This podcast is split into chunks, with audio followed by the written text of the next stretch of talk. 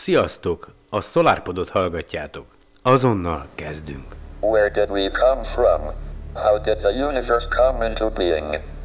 We are the product of a grand evolutionary sequence, cosmic evolution.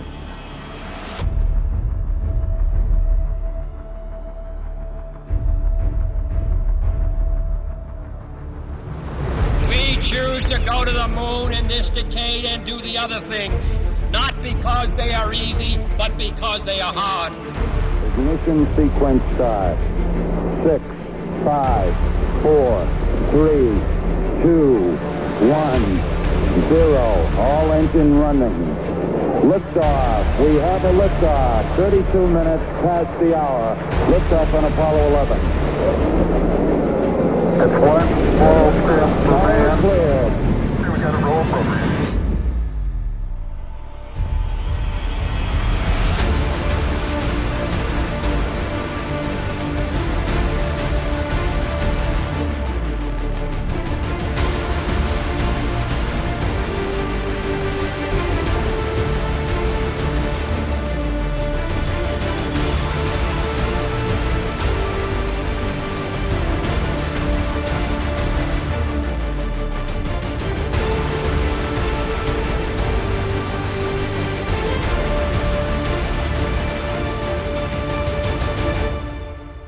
Önök a Non-Stop Tudomány FM adását hallgatják, azonnal kapcsoljuk tudósítónkat a Mars körül keringő Frank Drake űrállomásról, egyenesen a harmadik interplanetáris Grand Prix-ről, de előtte hallgassuk meg a Bolygóközi Szövetség himnuszát.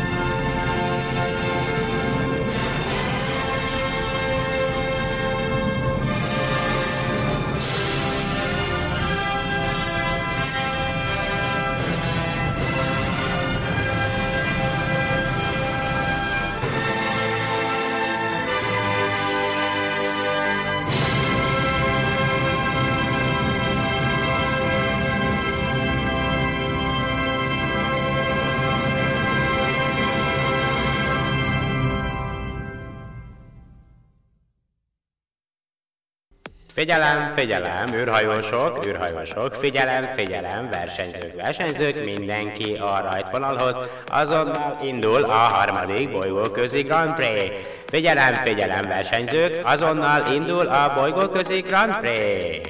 Szeretettel köszöntök mindenkit innen a Frank Drake űrállomásról, egyenesen a Mars mellől.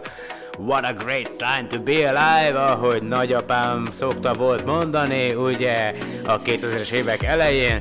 Tehát most már azért igen, csak benne vagyunk a 2100-ban, ugye már a verseny javában zajlik egyébként. A korábbi bejátszásunk, amit előbb hallhattak, az épp a, az indulásra hívta fel a figyelmet a versenyzőknek. Idén is jelenleg négy csapat indult a versenyben, de jövőre várható, hogy az Alpha Centauri küldöttsége is megérkezik a bolygónkhoz négy anyahajóval, hogy tárgyalásokat folytassanak a letelepedésükkel kapcsolatosan, és ugye hoznak magukkal egy versenyűrhajót is, úgyhogy jövőre valószínűleg már öt csapat fog indulni, de akkor beszéljünk egy kicsit a versenyzőinkről, akik jelenleg év túl a Mars és a Jupiter közti fő aszteroida övön, és arra készülnek, hogy megkerüljék a Jupiter. Első helyen a mesterséges intelligenciák csapatot halad az űrhajójukkal, második jelen pillanatban a Marsiak, akik idén először végre saját űrhajóval indulhattak a versenyben, ugyanis fél évvel ezelőtt átadták a Marson a Tesla giga üzemét, úgyhogy már képesek voltak előállítani a saját űrhajójukat, és idén azzal szálltak versenybe. Ö, harmadik helyen nyomukban szorosan a földi csapat, és negyedik helyen egy kicsit ugyan lemaradva, de még nem reménytelen a Vénusziak csapata. Ugye ők, hát mivel sajnos csak a Vénusz légkörében van néhány űrhajónk, ahol kutatásokat végzünk, ők a Földön gyártott űrhajóval voltak kénytelenek indulni, de semmi, nem okoz ez nekik problémát szerintem, Úgyhogy beszéljünk egy kicsit a versenynek a mikéntjéről. Ugye idén egy kicsit módosultak a szabályok a tavalyihoz képest, tehát most a, a térhajtó művet csak az utolsó 50 millió kilométerre lehet bekapcsolni. Ha bárki azelőtt bekapcsolja, akkor azt azonnal kizárják a versenyből.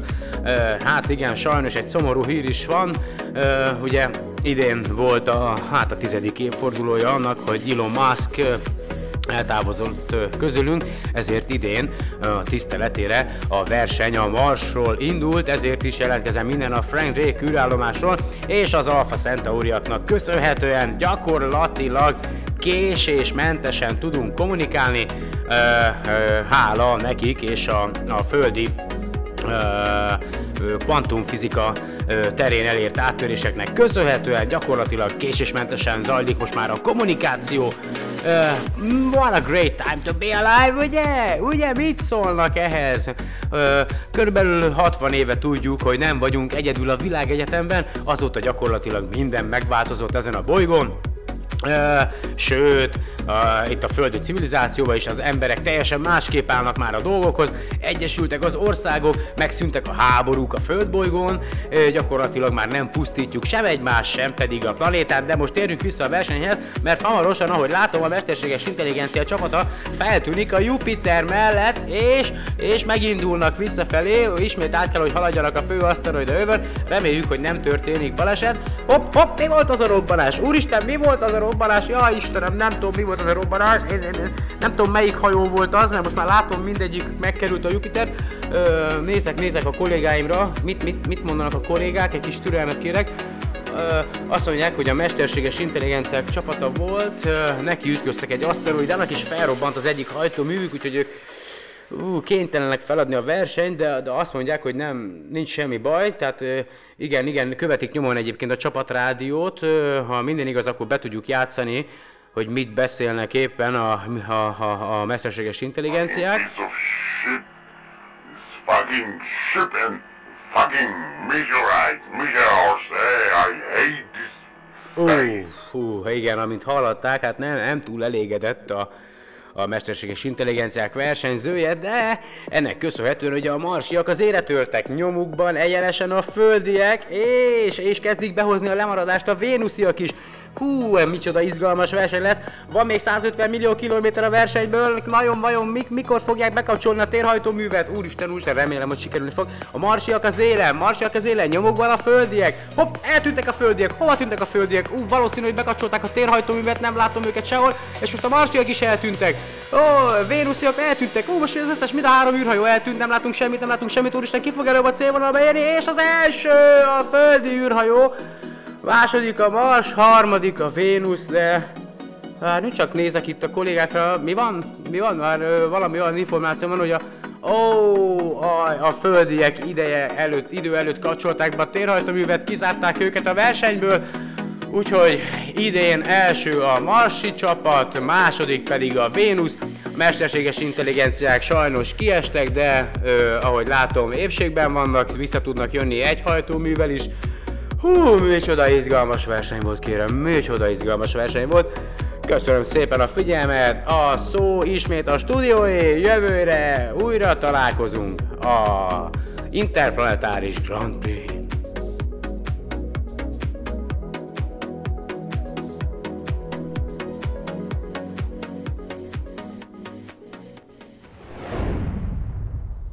Sziasztok! Szeretettel köszöntök mindenkit! Most már visszatértünk ismét a jelen időben. A fejembe jobban hangzott ez a verseny, mint ahogy itt most nektek sikerült rögzíteni. Remélem azért legalább egy kicsit jól szórakoztatok ezen az egészen. Gondoljatok csak bele tényleg, mi lenne, ha ha valóban sikerülne Elon Muskéknak az emberes Mars küldetés, ha onnantól kezdve gyakorlatilag ténylegesen marsi telepek lennének, sikerülne a bolygónak a, a légkörét felmelegíteni annyira, hogy csak minimális védőfelszerelés legyen szükséges ahhoz, hogy ott tartózkodhassunk. Aztán működne Stevie Hawkingéknak a a Breakthrough Starshot, vagy a Breakthrough Listening programja, valamelyik a kettőből, tehát hogy az egyik az, hogy ilyen mikro, ilyen mini űrhajókat szeretnénk küldeni a, a Proxima Centaurihoz, lehetőleg egy generációs időn belül, hogy megnézzük, hogy egyáltalán mi van ott a, a, a körülötte keringő bolygókon. Ugye persze én az Alpha Centaurit vettem számításba a, a fikciós történetemben, ugyanis a, az Alpha Centauri az egy napunkhoz hasonló csillag, bár jóval idősebb, mint a mi napunk, és a, az életének a vége felé jár egyébként, és relatív vége felé, tehát mi ebből nem fogunk észrevenni semmit se, de már ugye elkezdett felfújódni. És tegyük fel, hogy ha tényleg létezne ott egy civilizáció, vagy létezett ott egy civilizáció mondjuk egy mondjuk egy föld közeli, vagy olyan bolygón, ami mondjuk olyan távolságra volt régen a csillaghoz, mint a Föld, akkor ugye nekik ténylegesen tényleg át kellett volna menekülni egy másik bolygóra, esetleg mondjuk ide hozzánk, vagy ha nekik is lett volna még egy, vagy lenne még egy bolygójuk, kicsit távolabb, akkor lehet, hogy ők pedig oda menekültek volna, nem tudhatjuk, lehet, hogy soha nem is fogjuk megtudni. És ugye a másik pedig ez a Breakthrough Listening projekt, most beszálltak az ausztrálok is egyébként, elég sok teleszkóppal figyelik, kémlelik most már a, az eget, ugye a rádióteleszkópoknak az az előnye, hogy gyakorlatilag éjjel-nappal lehet megfigyeléseket végezni, és technológiai fejlettségnek köszönhetően pedig már gyakorlatilag több, tehát egy, egyszerre több milliárd csatornán is tudnak folyamatosan megfigyeléseket végezni, és pont a, ma gondolkodtam ezen, hogyha tegyük fel, tényleg sikerül a mesterséges intelligenciát valami hihetetlen mód kifejleszteni, és egy olyan algoritmus vagy egy olyan tanulási funkciót beléjük programozni, hogy képesek legyenek kiszűrni ezekből a, a, ugye a csatornákon hallott jelekből mondjuk azt, ami, ami eltér a többitől, vagy ami ugye folyamatosan ismétlődő, és, és, és, és mi, le, mi van akkor, hogyha egyszer tényleg egy mesterséges intelligencia fogja számunkra felfedezni, kiszúrni azt, hogy hoppá, innen fogtam egy jelet, ez az, és, és maga a mesterséges intelligencia pedig majd dekódolja a számunkra érthető nyelven magát az üzenetet, hát kíváncsi vagyok. Egyébként lehet, hogy nem kell erre sokat várni, fene se tudja. Ugye ígértem nektek legutóbb, hogy bocsánat, hogy utána fogok nézni, vagy azt akartam, hogy a milyen üzeneteket küldtünk mi emberek kifelé a világűrbe, különböző teleszkopokkal, legalábbis hivatalos üzeneteket. Aztán ezt most nagyjából meg is tettem, és folytatódik majd a, a mozaik kiadónak a, az űrkutatás története című bejegyzés a második résszel, aztán még ki tudja, lehet, hogy valami még lesz, de lehet, hogy ez a műsor most rövidebb lesz a megszokottaknál, úgyhogy utána néztem, hát ugye a Wikipédián érdekes, hogy magyar nyelvű szócik nincsen, csak az Aricsebói üzenetről. Összesen van uh, 11 megvalósult hivatalos úgynevezett IRM vagy IRM projekt, ez uh, ugye Interstellar Radio Message, tehát az a csillagközi rádió üzenet a, a világűrbe, és ugye az első ilyen üzenet, amit uh, mi kiküldtünk a világűrbe azzal a céllal, hogy egy lehetséges idegen civilizáció számára tudassuk, hogy mi itt vagyunk, az az úgynevezett Morse message, vagy Morse üzenet, amit 1962-ben végeztek el, hát nem küldték túl messzire az üzenetet, mert ugye a Vénusz bolygót célozták meg, és ö, különböző szavakat ö, küldtek el, ugye Morse kód formájában a Vénusz bolygó felé. Az egyik ilyen a Mir, ö, szó volt, ezt ö, 1962. november 19-én küldték el Morse kódban a Vénuszhoz, illetve 1962. november 24-én a Lenin és az SSSR, vagyis hát ahogy mi ismerjük CCCP szavakat küldték el Morse kódolásban a Vénuszhoz, az Evpatoria Planetary Radar állomásról, ami elméletileg a Krim félszigeten található. Most, hogy pontosan oroszoké vagy még az ukránokhoz tartozik, nem tudom, de arról a területről. Ez volt az első hivatalos üzenet, amit mi küldtünk. Ugye aztán következett az Arecsibói üzenet, amiről ugye találtam magyar Wikipédia szócikket, ez így viszonylag nagyjából benne van, hogy, hogy miről van szó. A lényeg az, hogy egy a Messier 13-as ö, gömbhalmaz felé küldtünk üzenetet 1974. november 16-án, ami sok minden tartalmazott, bináris kódban továbbítottuk ezt az üzenetet. A Messier M13-as halmaz, csillaghalmaz, az 25 ezer fényévre található tőlünk, tehát az üzenet 25.100 pontosan, legalábbis a, az adat, amit én olvastam az egyik oldalon.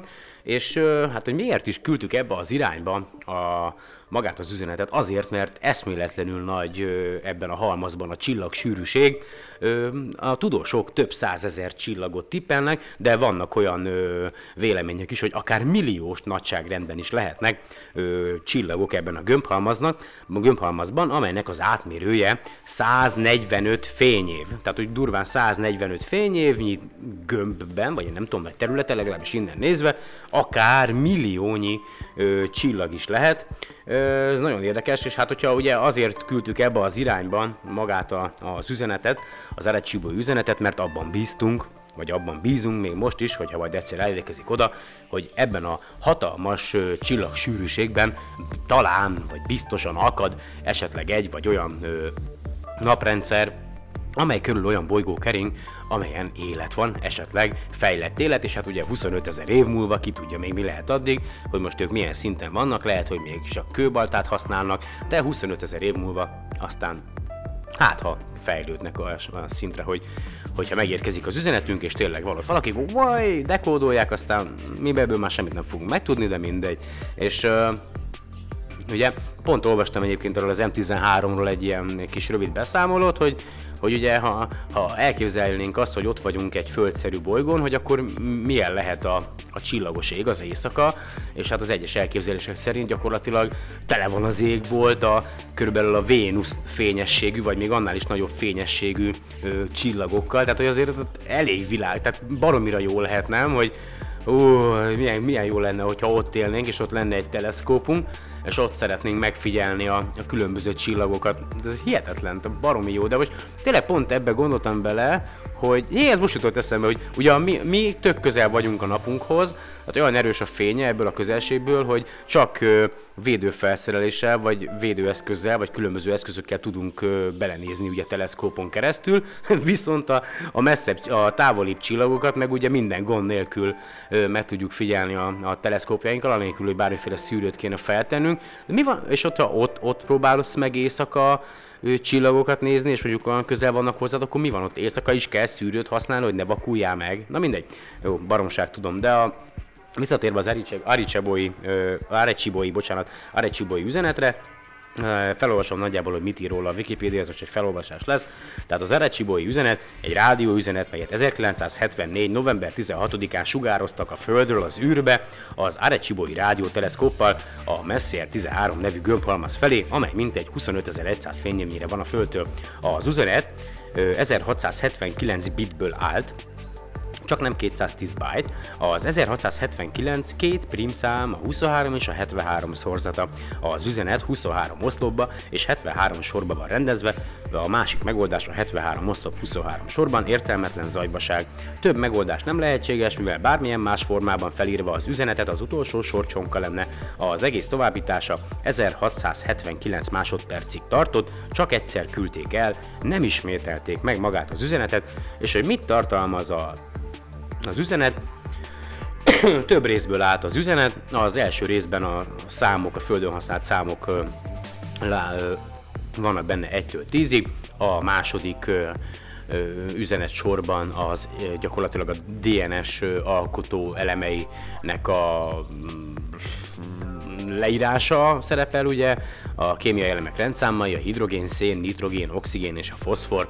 Aztán a har- üzenet harmadik részében a DNS nukleoidjaiban található cukrok és bázisok képletei találhatók, a negyedik részben a DNS-ben lévő nukleotidok száma és a DNS kettős spirál szerkezetének ábrázolása, az ötödik részben az ember grafikus ábrázolása, egy átlagember testmagassága és a föld lakossága, akkori lakossága, a hatodik részben a Föld naprendszerének grafikája, és a hetedik részben pedig az Arecibo teleszkóp grafikája és az adóantenna mérete.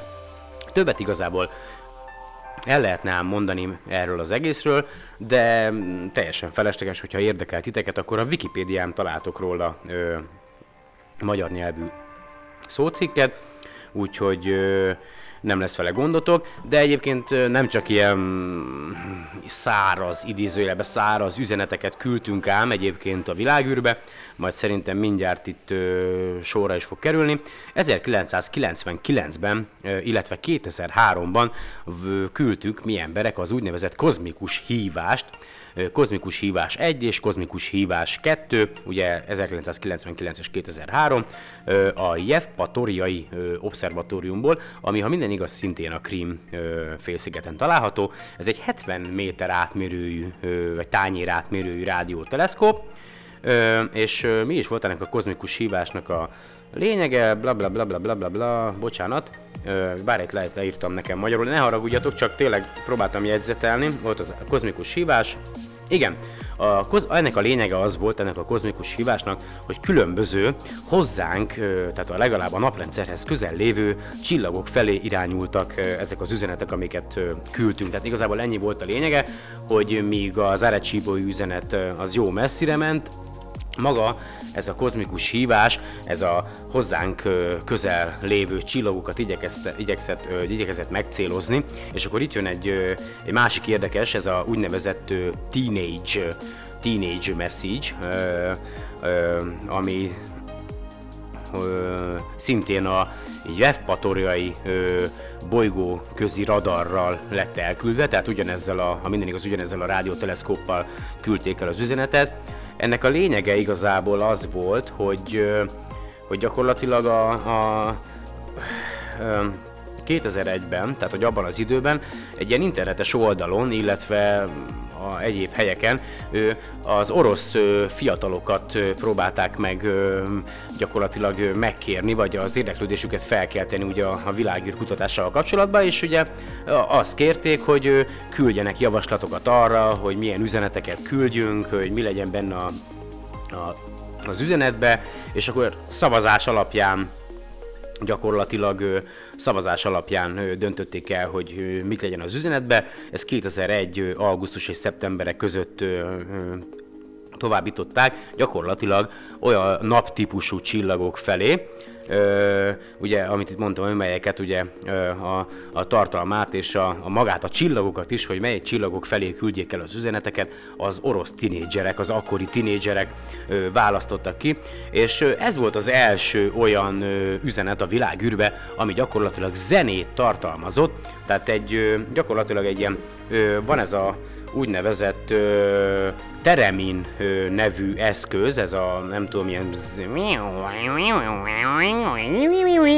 valami ilyesmi lehet, azt hiszem, ha jól emlékszem, tehát egy ilyen elektronikus zenei eszköz, és egy ezzel készült ö, zeneszámot, ö, zeneszámokat sugároztak a naptípusú csillagok felé. Ö, és érdekesség egyébként, hogy hogy ugye mostanában, vagy hát akkoriban is, azt hiszem talán ezen, e, e, a Teenage Message után ültek le talán a különböző kutatók, és kezdték el arról beszélgetni, hát hogy gyerekek nem lenne jó, vagy nem jó ez, hogy mi itt lövöldözünk jobbra-balra mindenféle csillagok felé, és, és jelezzük a földön kívülieknek, hogy Halló, itt vagyunk, hú, gyertek, itt vagyunk, szóval mert ki tudja, lehet, hogy úgy járunk, mint a, az amerikai őslakosok, mikor Európából megérkeztek a, a hódítók. Be, bízunk benne, hogyha nálunk fejlettebbek, és már fejlettebb eszközökkel rendelkeznek, akkor talán az intelligenciájuk is fejlettebb, de sose lehet tudni. Lehet, hogy mi ezt nem fogjuk megtudni, de hát ki tudja. És a Teenage Message után, ugye volt a kozmikus hívás 2, amit, amiről már korábban beszéltem, aztán volt egy olyan, egy üzenet a Földről, a Message from Earth, ezt a tőlünk 20 fényévnyire lévő Gliese 581 rendszerbe küldték, ugye, mint tudjátok, a Gliese 581 csillag körül kering az, az úgynevezett Gliese 581C nevű bolygó, amelyen azt feltételezzük, hogy lehetséges rajta élet.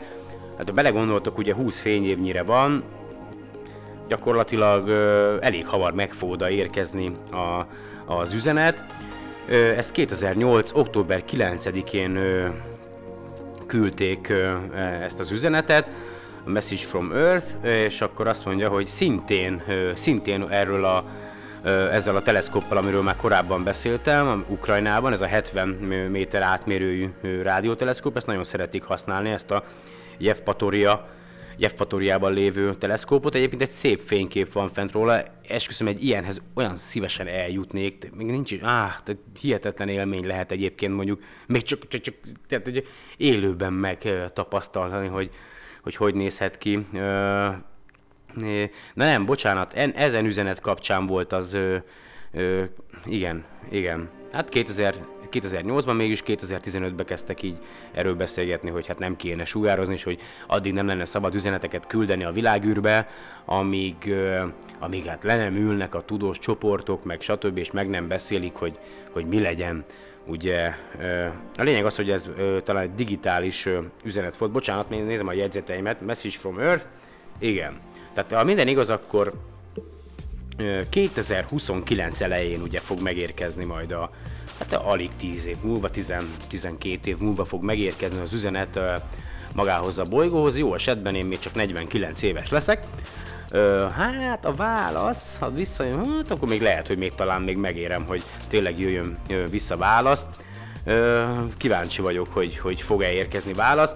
És a, a biztosan a, vannak, vagy talán van idősebb hallgatóm, én, én, én annyira ezt nem tudtam, de a Beatles együttesnek van egy olyan zeneszáma, hogy Across the Universe, tehát keresztül az univerzumon, és hasonló néven indítottak el egy, egy üzenetet a, a világűrbe, igazából hát csak a Polaris csillag felé, ami olyan 400 valahány fény, 431 fényévnyire van tőlünk, és ha jól tudom, akkor ott nem, nem sejtik, vagy nem remélik, hogy hogy lenne élet, több okból kifolyólag, most ebben nem mentem bele részletesen, de a lényeg az, hogy volt egy, egy Beatles, hatalmas Beatles történetkutató, illetve rajongó, egy angol humorista,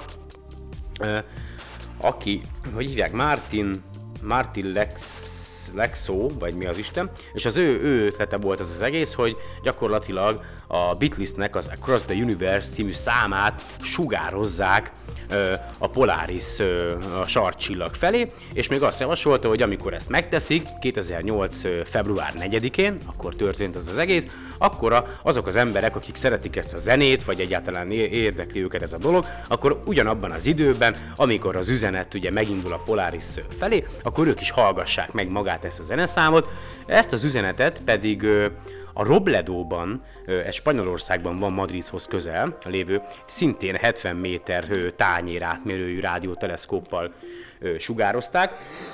Az üzenetnek az apropója igazából az volt, hogy ez a, szele, ez a teleszkóp rádióteleszkóp szintén része, vagy része az úgynevezett NASA Deep Space Network teleszkóp családjának, ugye, mint tudjátok, a Földön elég sok országban vannak ö, rádióteleszkópok, ugye Ausztráliába, Európába, akkor ott a, dél-amerikai, tehát elég sok helyen vannak ö, rádióteleszkópok, ugye Ukrajnában is, és a a NASA pedig ugye elindította ezt a Deep Space network hogy a teleszkópok gyakorlatilag össze vannak egymással kapcsolva, ezáltal ugye elő tudják segíteni a mondjuk az űrállomással való kapcsolattartást, illetve ugye a kutatásokat, stb. stb. stb.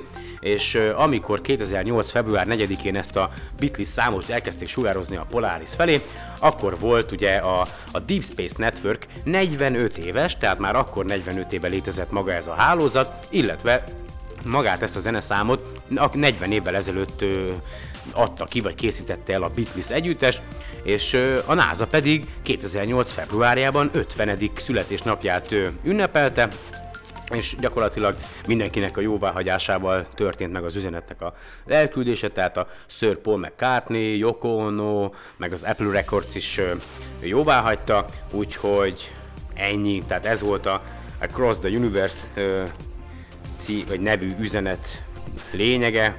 Ö, aztán mondom még, mert volt még egyébként rengeteg, tehát így a, volt egy olyan úgynevezett, hogy Hello from Earth, tehát ez a Hello from Earth, ez egy ilyen csillagközi rádió üzenet volt, ami érdekes, ez a 70 méteres tányér átmérőjű rádióteleszkóp, ez úgy látszik divat a Földön, mert egyébként szintén egy ilyen rádióteleszkóppal küldték el az üzenetet, ami felírtam magamnak, hogy hol volt ö, található, azt mondja, hogy valami Canberra Deep Space ö, ö, megfigyelő komplexumban, ez, ez viszont Ausztráliában van, ez a NASA Deep Space Network-ének a 43-as számú rádióteleszkópja, gyakorlatilag 25.880 üzenetet küldtek, tehát ez hihetetlen egyébként, és szintén a Gliese 581-es rendszer felé, tehát ugye küldtünk egyszer ö, 2008-ban egy üzenetet, a februárjában, nem, korábban, 2008, igen, aztán 2009-ben is küldtünk a Gliese 581 felé üzenetet, úgyhogy akik ott élnek, azok majd örülhetnek, mert egymás után kétszer is majd ö, érkezik hozzájuk üzenet tőlünk, aztán lehet, hogy inkább átmenekülnek egy másik bolygóra, ha meg tudják, hogy valójában milyen vagyunk, de ö, a lényeg az, hogy küldünk folyamatosan, hogy itt vagyunk, és megyünk hozzátok. Aztán ugye még a első podcastekben beszéltem a, a hűha jelről, ugye a WAV szignálról, hát itt többet nem találtam róla a Wikipédián, de 2012-ben kutatók egy csoportja úgy döntött, hogy már pedig mi válaszolni fogunk erre a, az üzenetre, még ha nem is üzenet, de azért kipróbáljuk, és a Hipparcos Hipparcos 34511, illetve 33277 és a 43587-es katalógus számú csillagok felé küldtek el egy úgynevezett válaszüzenetet a, a hűha jelre, és aztán következett 2013-ban ez a úgynevezett lone szignál, erről is beszéltem, ennek, ennek gyakorlatilag végül is része voltam, elindult a, a Youtube-on, vagy valahol nem is láttam Facebookon, a space.com osztotta meg azt a lehetőséget, hogy, hogy elindul ez a lone szignál, és akkor Amerikából egy rádióteleszkópon keresztül fognak majd Kaliforniából sugározni a Gliese 526 nevű vörös törpe csillag felé, ami 17,6 fényévnyire van a Földtől, olyan üzeneteket, amelyet gyakorlatilag bárki küldhet, tehát az volt, hogy bárki ingyenesen beírhatta a saját kis üzenetét, és akkor ezt továbbították, vagy tovább, igen, mégis a továbbítás megtörtént, csak ezt ugye azt szerették volna a a szervezői ennek az egész Lone Signal eseménynek, hogy ez aztán ne üljön le, hanem ilyen úgynevezett crowdfundingon keresztül ugye folyamatosan támogatásokat gyűjtöttek volna, és aztán folytatták volna az üzenetküldést, illetve a rádióteleszkóp hálózatnak a bővítését, de ahogy olvasom, érdeklődés hiányában sajnos elmaradt ez az egész, most próbáltam rákeresni a Lone Signalnak a weboldalára, már az sem él. Egyébként a, a civileknek az üzeneteit a, a Gliese 526 rendszer felé 2013. június 17-én kezdték el sugározni, több napon keresztül ment a, az üzeneteknek a sugárzása, és egy darabig még arra is emlékszem, hogy egyébként folyamatosan nyomon követhette bárki, akinek az üzenetét elküldték, hogy milyen messze jár az üzenete a Földtől, de azt nézem, hogy végül 17,6 fényév, még akár ezt is megérhetem gyerekek, hogy még erre is jön válasz, és hát igen, nem tudom, hogy ti hogy gondoljátok, hogy most maradjunk egy csöndbe, és akkor csak füleljünk, de ha annyira nem hiszünk a földön kívüli civilizációkba, már mint egyesek ugye, hogy nem akarok belemenni abba, hogy mi vagyunk ugye a bla bla bla bla bla, hogy rajtunk kívül nincs semmi, meg minden körülöttünk forog, akkor mi, mitől fosunk, nem? Tehát mitől félünk? Ha? Mi, mi történhet? Na, mi? Hát igen, tehát na mindegy. Szóval a lényeg az, hogy elég régóta, tehát gyakorlatilag a a 60-as évek elejétől küldözgetünk üzeneteket a világűrbe, és akkor még nem említettem meg ugye a, az amatőr rádió csillagászokat, hát őket ki tudja felügyelni, mármint azon kívül, hogy engedélyt kell kérniük ahhoz, hogy mondjuk üzemelhessenek, már aki kér, ki tudja, hogy egyébként hányan, hányféle üzenetet, milyen formában sugároztak a, a világűrbe egy adott csillagrendszer felé, vagy csillag felé, vagy egy gömbhalmaz felé, vagy a, a galaxisok felé, senki nem tudhatja. Ö, majd megpróbálok ennek is utána nézni, de szerintem ennek nincsen gyűjtő oldala. De ha ti ismertek valakit, aki, aki már küldött a világűrbe egy üzenetet saját rádióteleszkóppal, azért írjátok már meg, vagy hogy aztán majd beszámolok róla.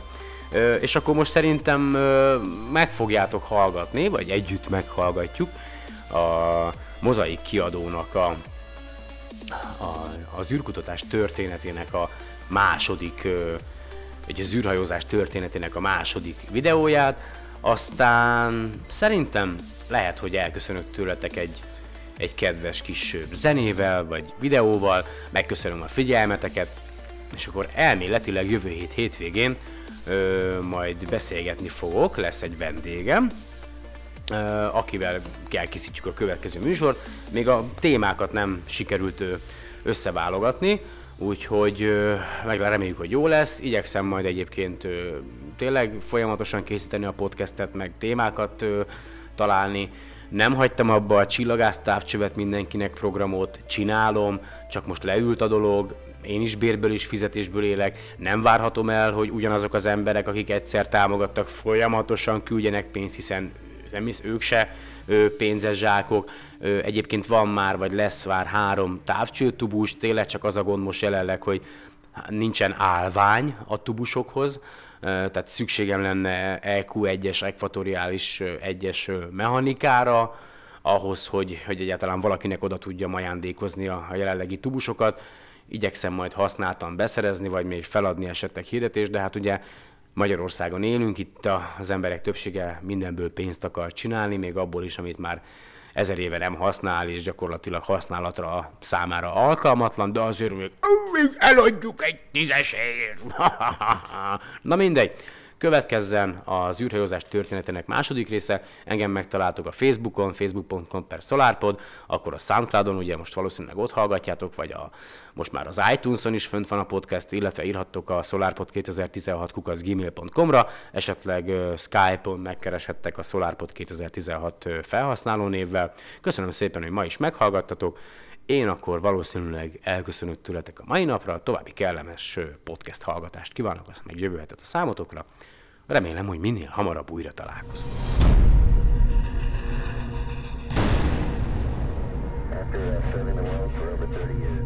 Az űrhajózás története. Második rész. Harc a holdért. A nyugati világ egy újabb hidegháborús csatát vesztett, amikor bejelentették a szovjet Yuri Gagarin, az első kozmonauta sikeres űrrepülését. Alig három hét telt el, amikor John F. Kennedy meghirdette a Hold programot. Olyan kijelentést tett, miszerint Amerika még ebben az évtizedben embert küld a Holdra, és az űrhajósokat sikeresen vissza is juttatja a Földre. A NASA mérnökei Werner von Braun vezetésével kifejlesztették minden idők legnagyobb rakétáját, a 110 méter magas Saturn 5-öst. Azóta sem építettek ennél hatalmasabbat. Miközben Amerika a Holdra koncentrált, a szovjetek újabb űrrekordokat állítottak be. 1963-ban fellőtték Valentina Kyereskovát, az első női űrhajóst. 1965-ben Alexei Leonov végrehajtotta az első űrsétát, aki 12 percet töltött a világűrben. Amerika 1967-re készen állt az első olyan próbarepülésre, amely már legénységet is szállított. Azonban még az indítás előtt az űrhajóban tűz ütött ki. Mindhárom űrhajós életét vesztette. 1968 áprilisában lőtték fel a személyzet nélküli Apollo 6 űrhajót tesztelés céljából. Újabb súlyos technikai problémák merültek fel, azonban alig másfél év volt csak az évtized végéig. Ezek után még több pénzt öltek a Hold programba. Még az amerikai oldalon számos technikai hiba hátráltatta a Hold elérését, az orosz oldalon ilyenek nem történtek. Igaz, a Szovjetunióban a kilövéseket nem közvetíthették élőben, és csak a sikeres küldetésekről számolhatott be a sajtó. Annyit azonban biztosan tudunk, hogy 1966-ban landolt a Luna 9-es orosz űrszonda a Hold felszínén. Mivel a Szovjetunió Hold programja titokban zajlott, máig nem ismert, meddig jutottak a fejlesztésekben. 1968. február 24-én az amerikai Apollo 8 megkerülte a holdat. A három űrhajós minden eddiginél távolabb került a Földtől. Innen már csak egy lépés hiányzott a hold felszínére. 1969. július 20-a. Az űrhajózás egyik legfontosabb dátuma. Ezen a napon vetette meg az ember először a lábát egy idegen égi testem. Az Apollo 11 leszálló egységéből elsőként Neil Armstrong szállt ki, majd Buzz Aldrin követte őt. Kennedy álma megvalósult, ahogy ígérte, még az évtized vége előtt. Még a legszerényebb becslések szerint is közel egy milliárd néző kísérte figyelemmel Armstrong szállóigévé vált mondatát. Kis lépés az embernek, hatalmas lépés az emberiségnek. Az Apollo 13-asnak már nem volt ilyen szerencséje. Egy felrobbant oxigénpalack miatt az űrhajósok végül nem szállhattak le a holdon, és az életük is egy hajszálon függött. A NASA a küldetést sikeres kudarcként könyvelte el. Ezt követően a Hold programban minden rendben zajlott. A hidegháború legnagyobb csatáját az amerikaiak megnyerték a Szovjetunióval szemben, innentől kezdve az újabb leszállások már kisebb média visszhangot kaptak. 1972 óta senki sem járt a hold felszínén. 1975-ben lőtték fel az utolsó Saturn 5-öst, amelynek célja már nem a holdra jutás volt.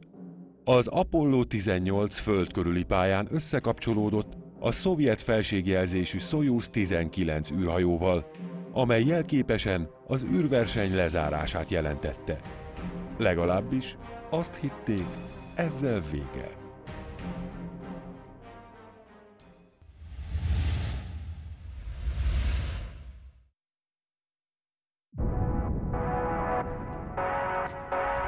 So, what are we really made of? Dig deep inside the atom and you'll find tiny particles held together by invisible forces. Everything is made up of tiny packets of energy born in cosmic furnaces. The atoms that we're made of have negatively charged electrons whirling around a big, bulky nucleus. The quantum theory offers a very different explanation of our world. Universe is made of 12 particles of matter, four forces of nature. The universe is made of 12 particles of matter, four forces of nature. That's a wonderful and significant story. Suppose that little things behaved very differently than anything big. Nothing's really as it seems. It's so wonderfully different than anything big. The world is a dynamic mess of jingling things. It's hard to believe. The quantum theory is so strange and bizarre. Even Einstein couldn't get his head around it. In the quantum world, the world of particles. Nothing is certain. It's a world of probability. The quantum theory offers a very different explanation of our world. The universe is made of 12 particles of matter, four forces of nature. The universe is made of 12 particles of matter, four forces of nature. That's a wonderful and significant story.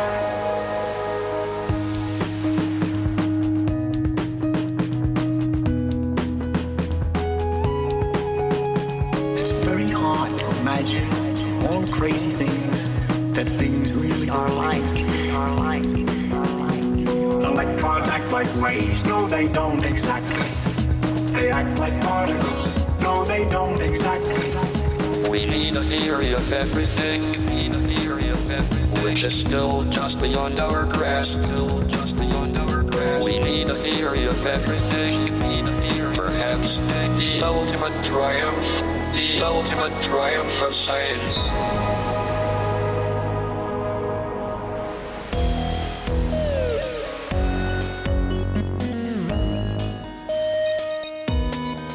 The quantum theory offers a very different explanation of our world. The universe is made of 12 particles of matter, four forces of nature. Is made of 12 particles of matter, four forces of nature. That's a wonderful and significant story. Wonderful and significant story. I gotta stop somewhere. I'll leave you something to imagine.